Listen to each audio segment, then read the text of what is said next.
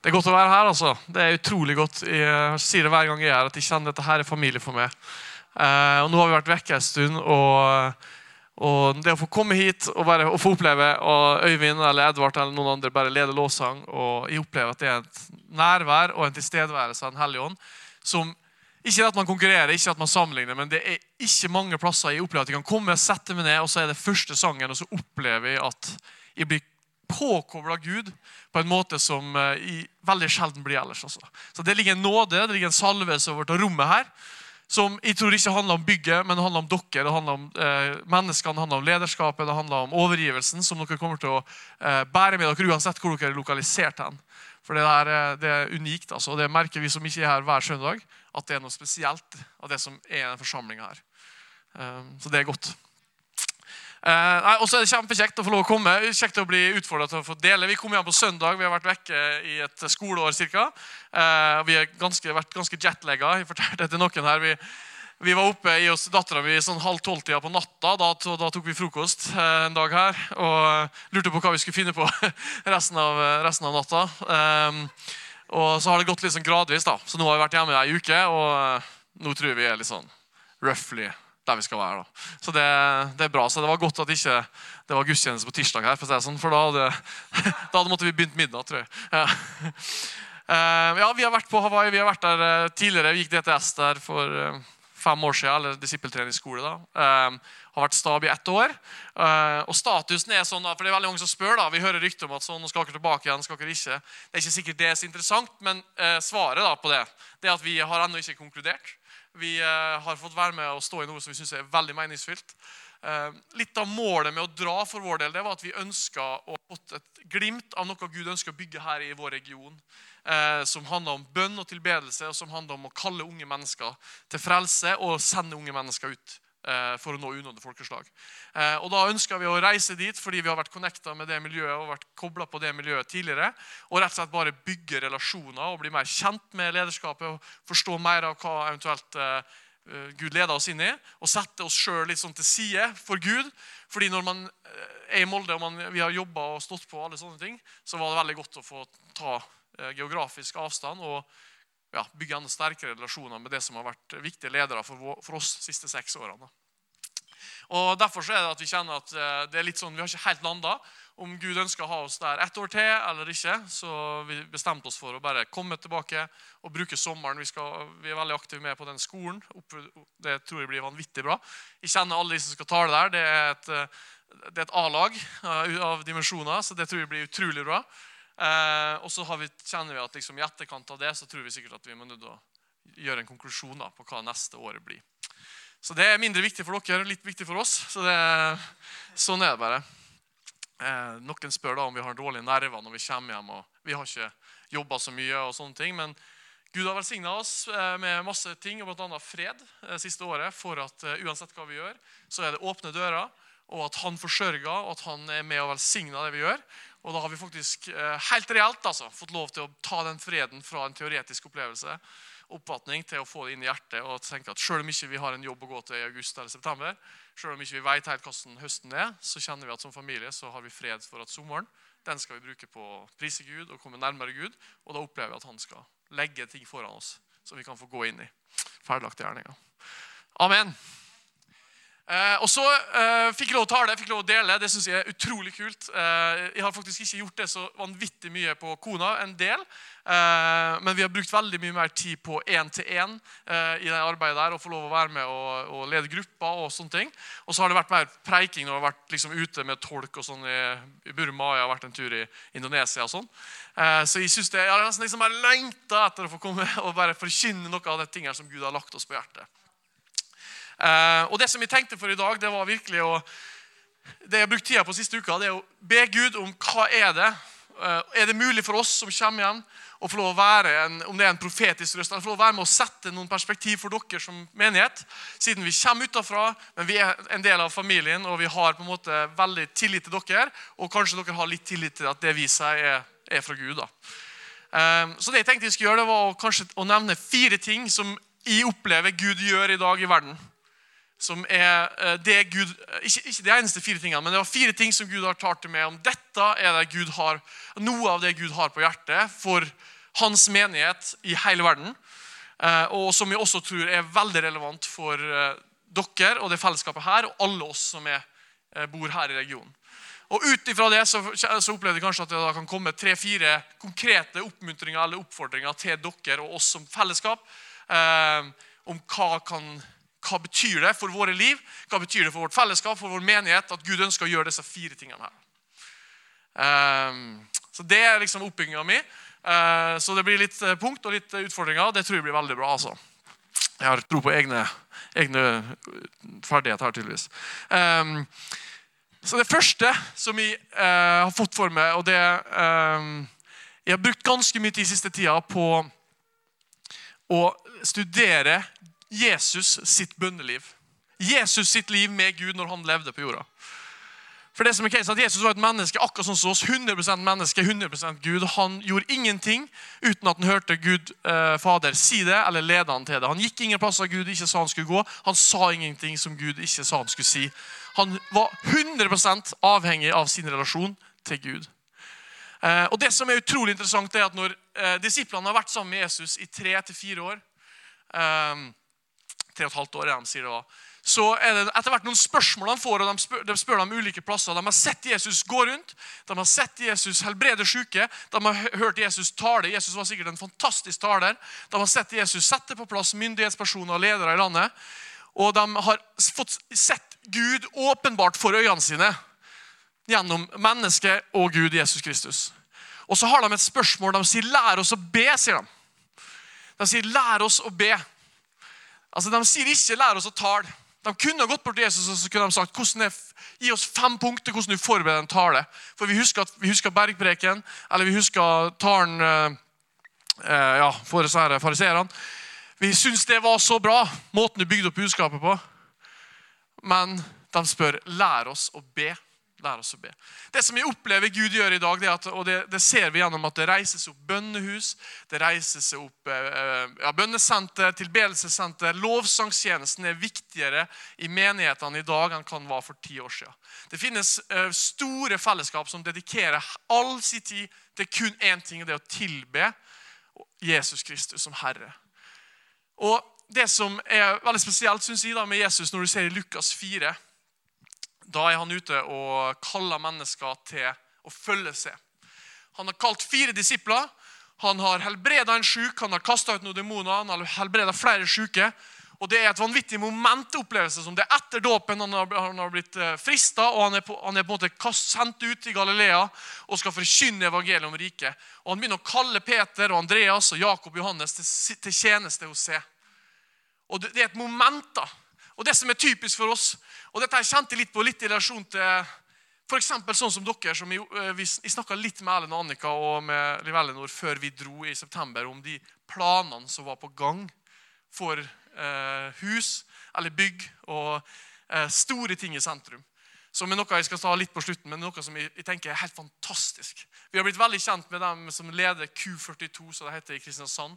Philadelphia, eh, det enorme kvartalet de har bygd, som er virkelig noe som eh, er blitt en mulighet for å både velsigne byen og ja, alle ting. Det, er, det er stort og det er flott, men det er virkelig leda og født av ånda.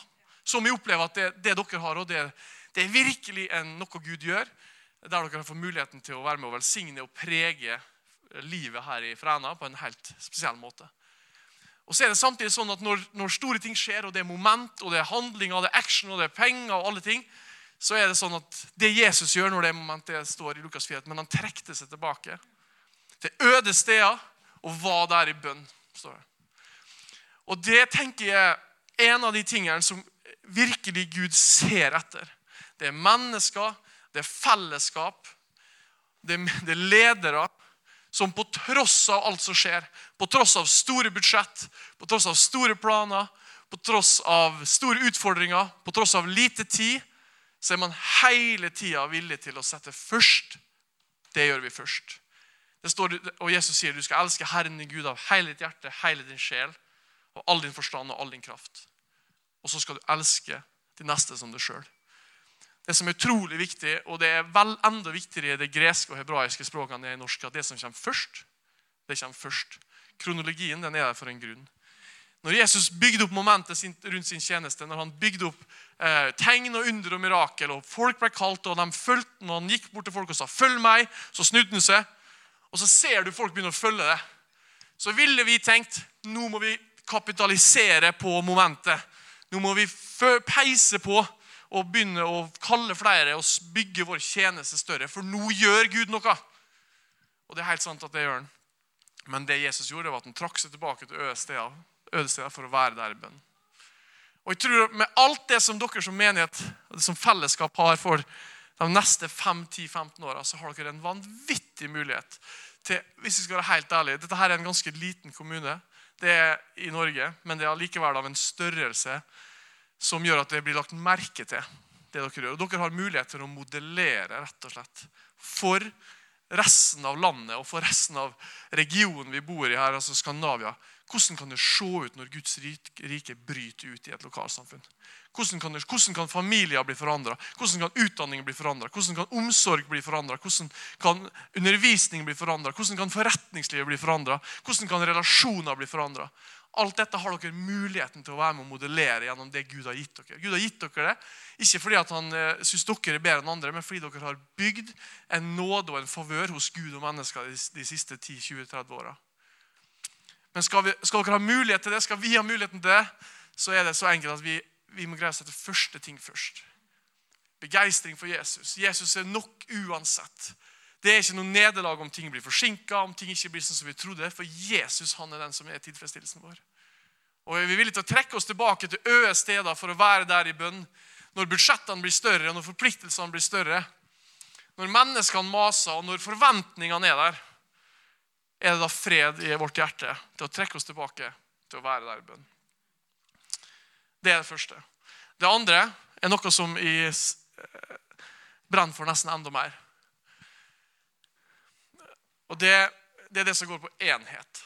Um, og det står i Salme 133 så står det litt sånn fritt oversatt at hvor herlig er det ikke når brødre bor sammen? Det er som olje som flyter ned fra Arons hode og ned uh, over skjegget hans. står det. Og Olje det er et bilde på salvelse, det er et bilde på Den hellige ånds utøselse. Hvis det er noe Gud ønsker å se i verden i dag, så er det at Guds menighet, det betyr enkeltpersoner, det betyr ledere og det betyr menigheter, kommer sammen i enhet. Og ikke minst at de elsker å, sette hverandre altså det release, skal det betyr. De eh, gir hverandre frihet til å operere til det som er best for hverandre, men i enhet og i kjærlighet. Og det, det, her, det, er så enkelt at enhet det er en magnet på Den hellige ånd. og Det er det det bibelverset den salmen her 133 mener. Når brødre bor sammen i kjærlighet, når de opererer sammen, når de eh, har fellesskap sammen i kjærlighet, så kommer Den hellige ånd, og den kommer i rikt mål. Og jeg tror det er et bilde på dette, for dette er blitt så ufattelig viktig for meg. Altså, det må jeg si. Og Nå kjenner jeg at jeg blir engasjert. Fordi Hvis vi tenker oss i, i eh, første kongebok 8, tror jeg, eller første krønikebok 7 og første kongebok 8, så er det eh, en situasjon som er beskrevet i to bøker, men det er samme situasjon. Og det er at Den hellige ånd, eller Gud, da, Guds nærvær kommer ned i tempelet. Og det som skjer det er at Når eh, de innvier tempelet, de er ferdige å bygge det etter alle de målene og alle de planene som Gud ga dem, så bygde de ferdig tempelet, og så innvier de tempelet. Og det som skjer, det er at Den hellige ånd kommer og slår ned i tempelet. Og alle som er der, prester og folket, de greier ikke å stå på beina. De greier ikke å holde seg oppreist. De kaster seg til bakken fordi Guds nærvær kommer eh, og tar bolig i tempelet. Og så har jeg en utfordring, eller litt sånn tankeeksperiment til dere. da. Eh, hvis du ser for deg at vi, dette hadde skjedd hos oss nå, og så hadde, vi, hadde alle sammen bare smelt seg på bakken og Gud kom i sitt nærvær, og vi ble liggende der, og vi bare ser Guds herlighet, vi ser Guds storhet, vi ser Guds hellighet, vi ser Guds renhet. Og så plutselig så reiser han Lars seg opp, og så tar han ei slegge, og så begynner han å gå løs på tempelet for å knuse. For å knuse. Altså Hadde ikke det vært helt ufattelig patetisk. Og hadde ikke vi hadde sprunget på den og dratt den ned og lagt den til bakken. Og så er det faktisk sånn at det står i Nytestamentet at vi er et tempel for Den hellige ånd. Og Det er ikke bare sånn, det er ikke bare sånn altså, at det er Emanuel, Gud, med oss, som han og Jesus kom, men det er faktisk Kristus i oss. Håp om herlighet. Og i forhold til det, det jeg prøver å illustrere, det er hvis jeg da um, snakker drit det var et stygt ord å si på tale, snakker negativt om andre menigheter, snakka negativt om andre kristne, bærer en kritisk ånd som vi sår inn til, i samtale med andre mennesker, så er, er, det egentlig å ligne med om vi hadde gått bort til tempelet den dagen og begynt å rasere det tempelet som Den hellige ånd har tatt bolig i. For, for vi som sitter her som kjenner Jesus, så har Den hellige ånd tatt bolig i oss. Og Det betyr at hvis vi går til angrep på, på Ellie Joy bak hennes rygg, eller hvis de ønsker å nedverdige henne åpenlyst, eller de ikke ønsker henne det som er godt, så går de faktisk til angrep på Guds tempel. Hvis vi som menighet har anstøt mot andre menigheter som, der Gud faktisk bor i lederskapet, der Gud faktisk bor i medlemmene, der Gud faktisk har en drøm og visjon om å se den menigheten fullføre sitt kall her på jorda, så er det som å gå til angrep på tempelet. Det som å rasere det helligste som Gud noen gang har skapt. Og da tenker jeg at Dette er en utrolig viktig utfordring, fordi det står i Titus 3,20 så står det, På norsk så står det at hvis det er noen blant dere som driver med vranglære, så skal du ta den til rette én gang. Så skal du ta den til rette en gang til. Og hvis ikke, så skal du støte den fra det. står det.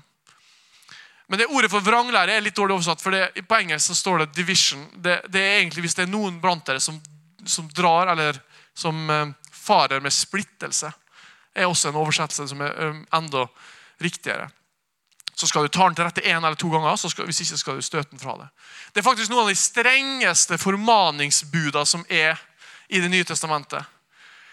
Så Det betyr at hvis eksempel, man i en menighet har et lederskap som man ikke er fornøyd med, så finnes det selvfølgelig en nåde til å ta opp ting man ikke er happy med, og til å konfrontere og til å være ærlig med hvordan man opplever ting er.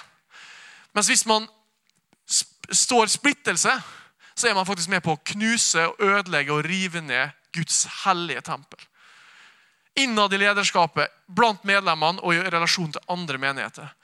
Gud lengter mer enn noen gang etter å øse si ånd ut over vår del av verden. Vår del av verden føler jeg, jeg opplever 100% står på kanten av en mulig utbrudd av Den hellige ånd som går forbi alt vi har sett. Alt vi har sett. Hvis den misjonsbefalinga skal bli oppfylt, så er vi helt avhengige av at den vestlige verden kommer tilbake til Jesus. Eh, fornyer seg, begynner å sende misjonærer og sende penger, sånn at vi kan få lov å gi evangeliet til Midtøsten og til India, til alle dem som ikke ennå har eh, fått evangeliet presentert. Og Dette vet vi at Gud ønsker å gjøre. Det er ingenting Gud ønsker mer. Men hvis han skal ha muligheten til å gjøre det, så må vi som Guds folk leve i enhet. Vi må leve i kjærlighet. Vi må underordne oss Jesus som vår Herre og Frelser og se at så lenge vi tilber Han, så er alle andre spørsmål, alle andre ting vi strides om, det er totalt i det perspektivet totalt uvesentlig og står ikke i veien for at vi kan elske om det er baptister, lutheranere, pinsevenner, karismatikere, eller om det er innad i menigheten folk som har såra oss, folk som har gjort ting. Vi Det er et kall til å leve i enhet og legge alle ting bak oss. Splittelse det er et av navna, splitteren, et av navna på djevelen. Gud lengter etter å se sitt folk. Det er som når olja kommer over Aron og drypper drypp fra skjegget når vi lever i enhet. Jesus ber Johannes 17 rett før han skal korsfestet. At vi skal være like, at vi som kommer etter disiplene, vi som er hans folk, vi skal være like ett, mye ett som han og Faderen er ett. sier han. Jeg bare kjenner at det er en ufattelig utfordring. fordi at jeg kjenner at Når jeg begynner å se på mitt eget liv, når jeg ser på en del av de samtalene jeg har rundt med kompisene, når jeg ser en del av samtalene man kan ha rundt kjøkkenbordet, så berører man et eller annet. Hvis man ønsker å leve dette her ut i 100 renhet, så er det ganske mange samtaler som vi har, som vi ikke burde hatt. Det er ganske mange perspektiv om andre mennesker vi bærer, som vi burde legge fra oss. Og det som er Et lite bilde på det det er når jeg ser i, i Lukas, eh, så får først Sakarias besøk av en engel eh, som sier at han skal få et barn. Og, og Responsen til Sakarias er ganske tydelig. Den er, den er, i vantro, den er i kynisme. Han spør rett og slett hvordan skal jeg tro på dette, for vi er jo gamle. sier han. Og Da sier engelen jeg kommer fra Guds åsyn. Så vær snill, ikke, ikke i, det perspektivet ditt jeg skjønner ikke engang. Men fordi du, hadde, du bærte det sinnelaget, så skal du være stum. Mens Maria hun spør engelen hvordan skal dette gå til. Det er, ikke, det, er ikke, det er, ikke, et kynisk, det er ikke et negativt, det er ikke et sinnelag om vantro og kynisme, men det er bare rett og slett dette jeg lurer på. Hvordan skal det funke? For jeg har ingen mann. Jeg har aldri hatt seksuell omkvem med noen. Hvordan kan jeg få et barn? Og Da svarer engelen Den hellige ånd skal komme over deg, og du skal bære et barn. Så Det er rom i menigheten det er rom blant Guds folk til å diskutere ting, til å ta opp ting, til å lure på ting og ikke være enig. Men det Gud ønsker at på tross av det, på tross av at ikke vi ikke tenker likt, så skal det være enhet i kjærlighet. Og alle sammen har Jesus som Herre. Vi er en del av hans brud, vi er en del av hans kirke, vi er en del av hans folk, og det er vår viktigste og høyeste identitet uansett.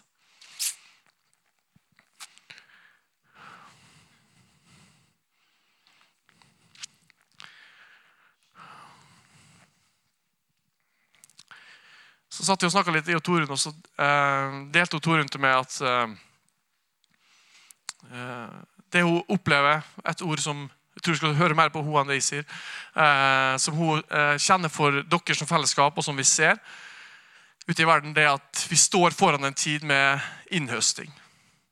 Vi står foran en tid der mennesker faktisk er, eh, blir satt på valg om å følge Jesus eller ikke, og der mennesker i større grad kommer til å si ja, det vil jeg. Jeg tror at mørket kommer til å bli mørkere, men lyset kommer til å bli lysere. Og Det som eh, vi i, i kjenner for dere, eh, mer enn for hele verden, det er at eh, mange her skal få lov å være med og høste ting de ikke har sådd. Eh, og, og, man skal få lov å komme inn i en eh, periode der virkelig man får en akselerasjon i hvor mange mennesker som tar imot Jesus. Spesielt unge mennesker. Og det som er spesielt vi var, i, fortelle, vi var i Burma. Eh, der, det arbeidet vi driver i Burma, det er basert på at vi har eh, evangeliske møter. Eh, der vi samler folk på ei slette, forkynner evangeliet. Og Så kaller vi folk fram til å ta imot Jesus, og så inviterer vi dem også til å ta imot og bli fylt av Den hellige ånd. og Vi ber for syke. og uh, Vi ser folk med, som er bundet av demoner, som blir satt fri. Og det, vi, det, jeg opplever da, og det er kanskje Når jeg ser tilbake på mitt eget liv Når jeg med en gang jeg setter foten på Gardermoen, så kjenner jeg at de på en måte knepper tydeligheten i evangeliet ned to hakk. Når jeg har vært i Bulgaria eller når jeg har vært i eh, India, vi har vært i Zambia, i Burma i Indonesia, så opplever jeg en frimodighet på å forkynne evangeliet sånn som det skal forkynnes. Det finnes én vei til frelse. det Navnet er Jesus Kristus. Jesus Kristus kom ikke bare for å male ei fengselscelle og pynte i fengselscelle, men han kom for å blåse fengselscella i stykker. Han kom for å gi full frihet. Han kom for å gi, bryte alle lenker. Han kom for å bringe helbredelse til alle mennesker. Han elsker alle mennesker, på tross av deres fortid, på tross av hva de er igjen i dag, så er det ingen som er for mørk, ingen som er for fortapt til å kunne møte Jesus. Og Når vi forkynner det evangeliet, som vi opplever det evangeliet som apostlene forkynte, så står det at Den hellige ånd virka med, og han stadfesta evangeliet med tegn og under. Og så kjenner jeg i hvert fall i meg selv at med en gang jeg setter foten i Norge, eller i den vestlige verden, men kanskje spesielt i Norge, så er det en tendens til å dimme det litt ned og si at eh, ja, vi tror på Jesus, vi tror på et liv etter døden. Vi tror at kan, eh, Gud er sterk, og han kan helbrede. Men, men, men. Og Da tror jeg også at vi frarøver Den hellige ånd muligheten til å komme og stadfeste det vi har forkynt, med tegn, under og mirakel. For når, er, når, vi står ute i Burma, og det er tusenvis av mennesker her, og vi forkynner så tindrende klart, så er det så enkelt at hvis ikke en hellig ånd dukker opp, så ser vi ut som en gjeng med idioter. Vi har gjort oss totalt avhengig av Den hellige ånds virke i den forsamlinga for at det skal helt tatt bli noe ut av det vi driver med. For det er ikke imponerende, det lydanlegget vi har. Det er ikke imponerende eh, alt vi gjør rundt. Markedsføringa er elendig. Jeg sier ikke at det er bra, men jeg sier at vi har gjort oss avhengige av Den hellige ånd. At han skal komme og stadfeste det budskapet som blir forkynt. Og når det skjer, i enhet, i kjærlighet og med klarhet, da er det umulig for Den hellige ånd å ikke gjøre det. Han kommer hver gang. Han kommer hver eneste gang. Vi sto i ei kirke i Burma, kanskje 200 stykker i, i møtesalen. Og Det er stort sett folk som er kristne, og det er den, den kirka som er på en måte vår partner i det prosjektet vi er med i. Så inviterer vi mennesker fram til å komme som ønsker å bli fylt av Den hellige ånd. For dåpen i Den hellige ånd det har de ikke hørt så mye om. Så spring fram folk, folk fram til scenen på størrelse med dette her. Og Tilfeldigvis så sto jeg her, og så kommer det kanskje 10-15-20 unge jenter og gutter fram til der de står. Og Når jeg snakker om unge, så snakker jeg om fem år, seks år, sju år, ni år, elleve år. Og Da var det så enkelt at vi begynte å legge hendene på folk og be om at Den hellige ånd skulle komme og berøre dem. Og den, altså jeg sto sånn her, altså Første jenta jeg la hånda på, hun var fem år. Og Idet jeg legger hånda på henne, så kommer Den hellige ånd over henne. Og hun, hun rett og slett begynner å grine. Og hun, hun blir stående og bare i et nærvær av Gud i en og en halv time. Så står hun med hendene ute, og tårene renner. Og det eneste hun sier, det er 'Jesus, Jesus, Jesus'. Så legger jeg hånda på neste, hun sju år, så skjer akkurat det samme. Og på neste så skjer akkurat det samme. Det er et utbrudd av Den hellige ånd. Som kommer ikke fra at vi har noe annet, men det er en tindrende klar forkynnelse. Og det er et, et folk som har bedt og som har gjort seg avhengig av Gud. Og når det kommer noen og forløser Den hellige ånd, så bryter det ut på en måte blant barn som jeg aldri har sett noen gang. Hun ene jenta var ni år gammel, og hun sa at hun hadde fått et syn. Hun sto i to timer sånn som det her en ni år gammel jente, og da står de side ved side. Altså, jeg har hatt unger selv. Det er ikke så lett å tvinge unger til å stå sånn. Det her opplevde de så autentisk så det går an å få det. Så sier jeg at de har sett buddhistiske munker gå til helvete. Vi er nødt til å forkynne evangeliet om Jesus til frelse for vårt folk. Det er 52-55 millioner innbyggere. 90% har nesten aldri hørt evangeliet om Jesus. Når du Jeg tror at når det står at Jesus er i går og i dag den samme, vi vet at Gud er alle steder i verden. Det er faktisk det samme budskapet han ønsker å skal forkynne i Molde, i Fræna, som i India, og som i Nigeria og som i Burma. Og For oss som fellesskap så tror jeg det er en oppfordring at vi skal forkynne et tindrende klart evangelium uten noen form for kompromiss.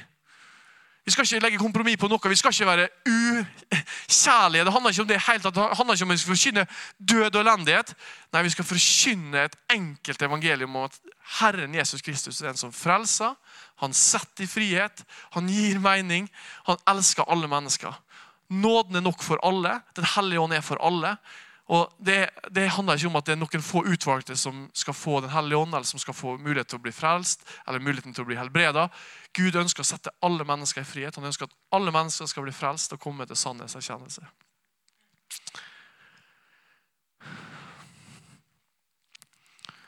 Og Det siste punktet det er evangeliet om Guds rike, som vi vet at dere i en menighet her har forkynt lenge. men dette er en videreføring av dette, fordi at I altfor mange år så har iallfall fall jeg vært tenkt at dette handler om et, om et evangelium om å komme til himmelen. Eller om et evangelium om evig liv. Men det er så enkelt at deg Jesus forkynte hele tida. Det står han forkynte evangeliet om riket. Og han sier at Hvis jeg helbreder noen, så betyr det at Guds rike er nær, og Guds rike er nå, og Guds rike er tilgjengelig. Og Min tanke om dette er at evangeliet om Guds rike det er som hvis du ser for et hus. Så Idet et menneske tar imot Jesus, så er det som at det åpner døra, og så går det inn i døra, og så har det på en måte kommet inn i huset. Men det huset det har et kjøkken, det huset har en stue, det huset har et eh, soverom eller to, og det har en gang. Og dette skal på en måte møbleres og bygges opp. Og Evangeliet om Guds rike det handler om at mennesker skal få leve i frihet. Det finnes helbredelse for mennesker. Jesu blod renser for all synd. Jesu kropp som ble knust, det var til helbredelse for alle. Men, men også det at det, Gud har en tanke med hvordan som vi sa tidligere, hvordan skal, kan familielivet leves til ære for Han. Hvordan kan skole og utdanning fungere til ære for Han? Hvordan kan næringslivet eh, herliggjøre Jesus? Hvordan kan forskning herliggjøre Jesus? Hvordan kan media herliggjøre Jesus? Og jeg tror Med det, det dere har fått på hjertet i forhold til det bygget, så tror dere virkelig for det Gud ønsker, Han ønsker at nasjoner skal bli disippelgjort. Han ønsker ikke at 5% av befolkninga skal kjenne Jesus. Han ønsker at en hel nasjon, en hel by, en hel distrikt skal leve ut Jesus sitt evangelium og leve alt de gjør i livet. Jobb, fritid, aktiviteter, kirke, utdanning. Alt skal være for å herliggjøre Jesus. Det er Guds tanke når han kom, når han ga seg selv på korset, når han kjøpte verden tilbake til seg. Så var det ikke for at 3% av befolkninga skulle gå i kirka på søndag. Men det var for at alt vi gjør, skal herliggjøre hans navn og vise hans karakter, hans perspektiv, hvem han er. Gud er stor nok. Det er ikke sånn at Når jeg går på jobben, så er det ingen mulighet for meg til å vise hvordan Gud og Guds rikes perspektiv kan leves ut på jobben. Og Det handler ikke bare om at jeg har bønnemøte om kvelden eller om morgenen på kontoret. Det handler faktisk om hvordan jeg utfører jobben min. Den visdommen jeg kan få fra Gud, den visdommen han kan gi meg. når jeg eh, hvis jeg jobber med TV, hvis jeg driver med media, hvis jeg driver med Instagram eller hva verden er for noe. Det finnes et Guds rikes perspektiv. Det finnes en mulighet for å herliggjøre Jesus på alle arenaer i livet. Derfor er det ikke sånn at en misjonær eller en pastor eller en, en uh, diakon har en, en, mer hellig jobb enn andre mennesker. Alle, Alt er hellig for den som er hellig. Alle er kalt, alle har en like stor mulighet til å manifestere Jesus Kristus der de er i dag. Og jeg tror Det bygget dere, og det perspektivet dere har fått der, det handler om nettopp dette. Det handler om å ta en plass og være med å påvirke samfunnet og bringe Guds rikes perspektiv inn i de delene av samfunnet som vi har fått mulighet til som fellesskap.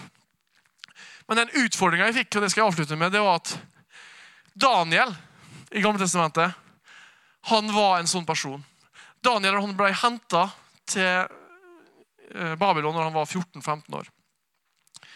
Han levde i det ypperste av samfunnet. Han var eh, leder av ledere og den nest øverste i riket. Han jobba under tre konger.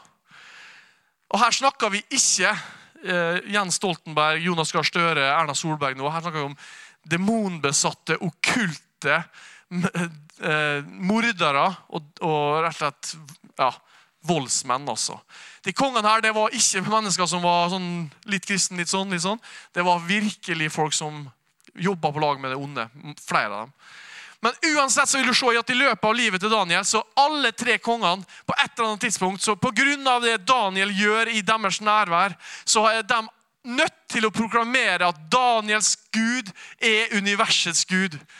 Selv om han er der, han gjør sikkert sin daglige jobb som eh, forvalter oss enorme verdier, har enorm innflytelse, men det de ser i livet til Daniel, det er at det finnes en Gud som er over alt annet. Det finnes en som er sterkere og mektigere og høyere opp enn alle, og det er Daniels Gud. Og Vi har alle hørt historien om Daniel i løvehula. Og den, Når vi leser gjennom den, så er den litt sånn, den er fascinerende. Men det som er interessant med den historien, det er at Daniel han var ca. 85 år når det her skjedde. Han har vært i Babylon i, nei, 75-80 år. beklager. Han har vært i Babylon siden mellom 60 til 65 år. Han var ca. 14-15 år når han ble ført hit og så står det det at Daniel falt på kne og ba til Gud sånn som han har, tre ganger om dagen, sånn som han har gjort siden han var ung. Så. Og når han, Jeg alltid tenkt at Daniel var en sånn litt sånn radikal 24-åring. Som akkurat er litt sånn, Han er ung, han er fresh og han er litt sånn dumdristig. Men her snakker vi om en mann, vi snakker om en leder, en samfunnsleder av øverste nivå, som har skikka jobben sin med ære og med respekt og med hardt arbeid og med prestisje i 60 år. Og han er fremdeles villig, som en gammel mann, til å gi Med en gang det er snakk om det, så er han villig til å sette første ting først. I tilhører Jesus, i tilhører Gud.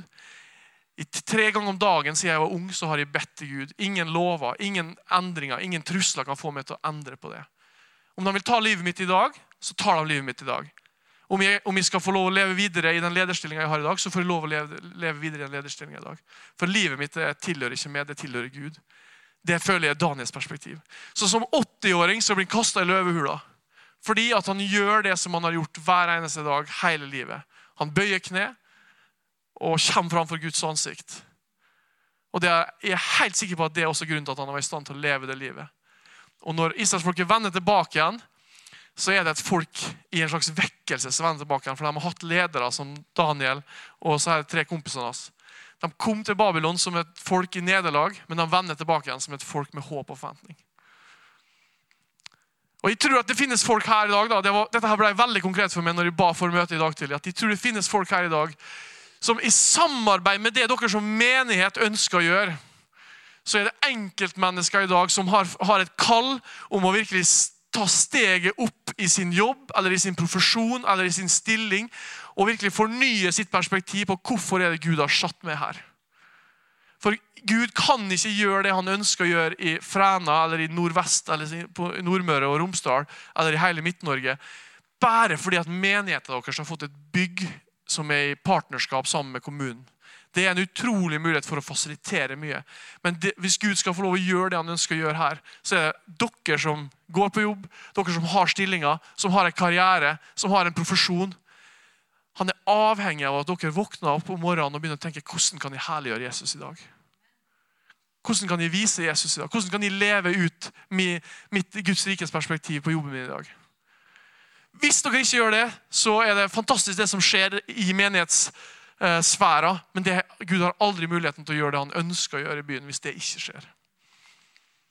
Så kan vi reise oss, så skal vi avslutte.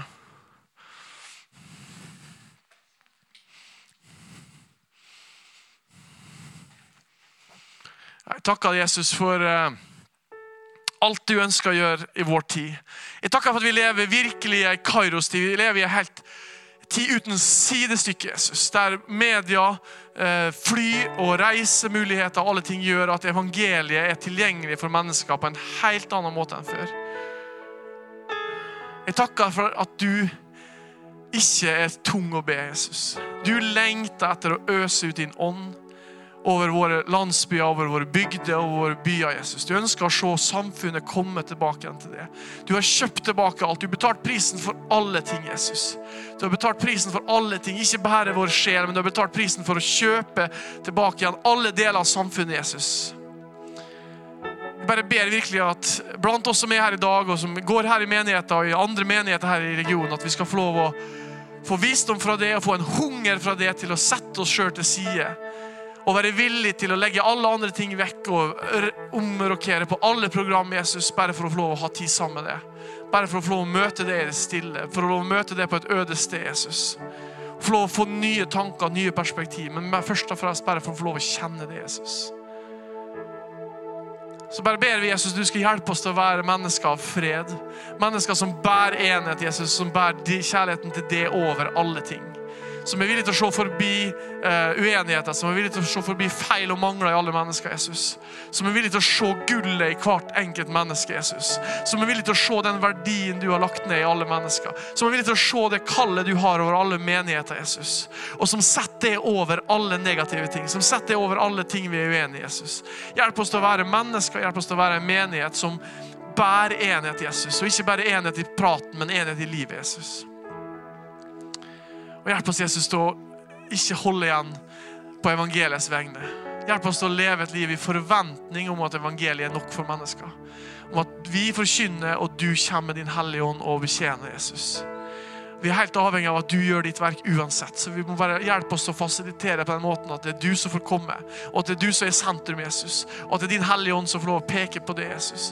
At det er din Hellige Ånd som får lov å gjøre ditt verk, Jesus. Om det er på våre møter, om det er når vi deler evangeliet på jobben, om det er når vi har eh, evangelisering ute, og når vi lever våre liv, Jesus. Hjelp oss virkelig til å ikke holde igjen evangeliet. Jesus. Du ønsker ikke bare å pynte ei fengselscelle for de menneskene som ikke kjenner det. Du ønsker å knuse fengselet, Jesus, og la dem få leve i full frihet, Jesus. Hjelp oss, Jesus, til å bære ditt perspektiv når vi går ut herfra på mandag og tirsdag. Jesus. Jeg takker deg for alle menneskene som er her, som er trofaste, som har det på innsida, Jesus, og som bare har en lengsel etter å se andre få møte det, Jesus. Vi bare ber og gir deg tillatelse Jesus, til å gi oss nytt perspektiv på jobben vår. Nytt perspektiv på stillingene våre, nytt perspektiv i nabolaget vårt. Nytt perspektiv i fritidsaktivitetene vi er involvert i. Jesus. Nytt perspektiv i politikken hvis vi er involvert i det. Nytt perspektiv på jobb, på skole. Jesus. Vi vet at du er der, hos deg er alle visdommens skatter til stede. Jesus. Så vi bare ber om at du skal øse ut i oss perspektiv, kunnskap og forståelse om hvordan vi kan herliggjøre ditt navn, Jesus, i dagliglivet. Og så bare ber jeg konkret velsignelse over eh, planer om bygg, planer om eh, partnerskap med kommunen. Jeg bare takker deg for at den menigheten her, det er et vitnesbyrd om at du er god, og at du er attraktiv for folk flest, Jesus. Du er ikke bare attraktiv for en liten del av befolkningen, men du er attraktiv for folk flest, for alle mennesker, Jesus. Du er relevant, og du hører alle til, Jesus.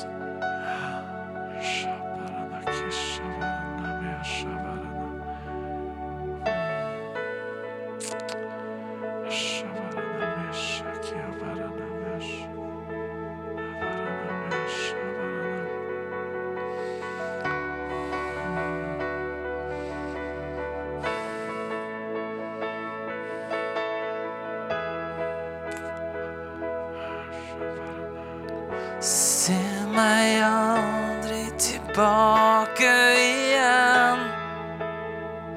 Du er håpet som bærer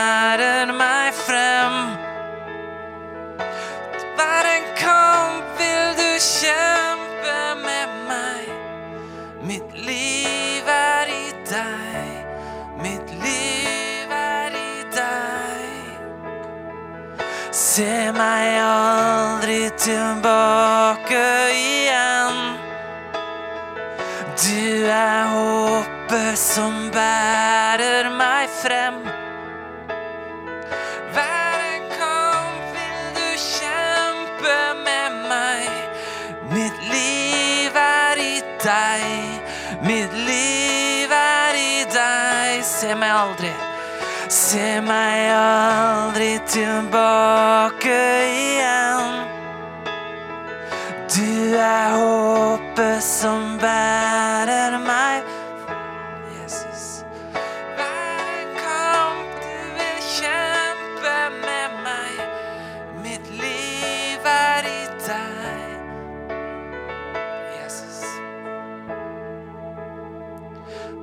kors er over meg. I nåden er jeg fri fra alt som binder meg. Din seier ga meg liv. Ditt kors har merket meg med evig kjærlighet. All min styrke er i deg. Ditt kors er over meg.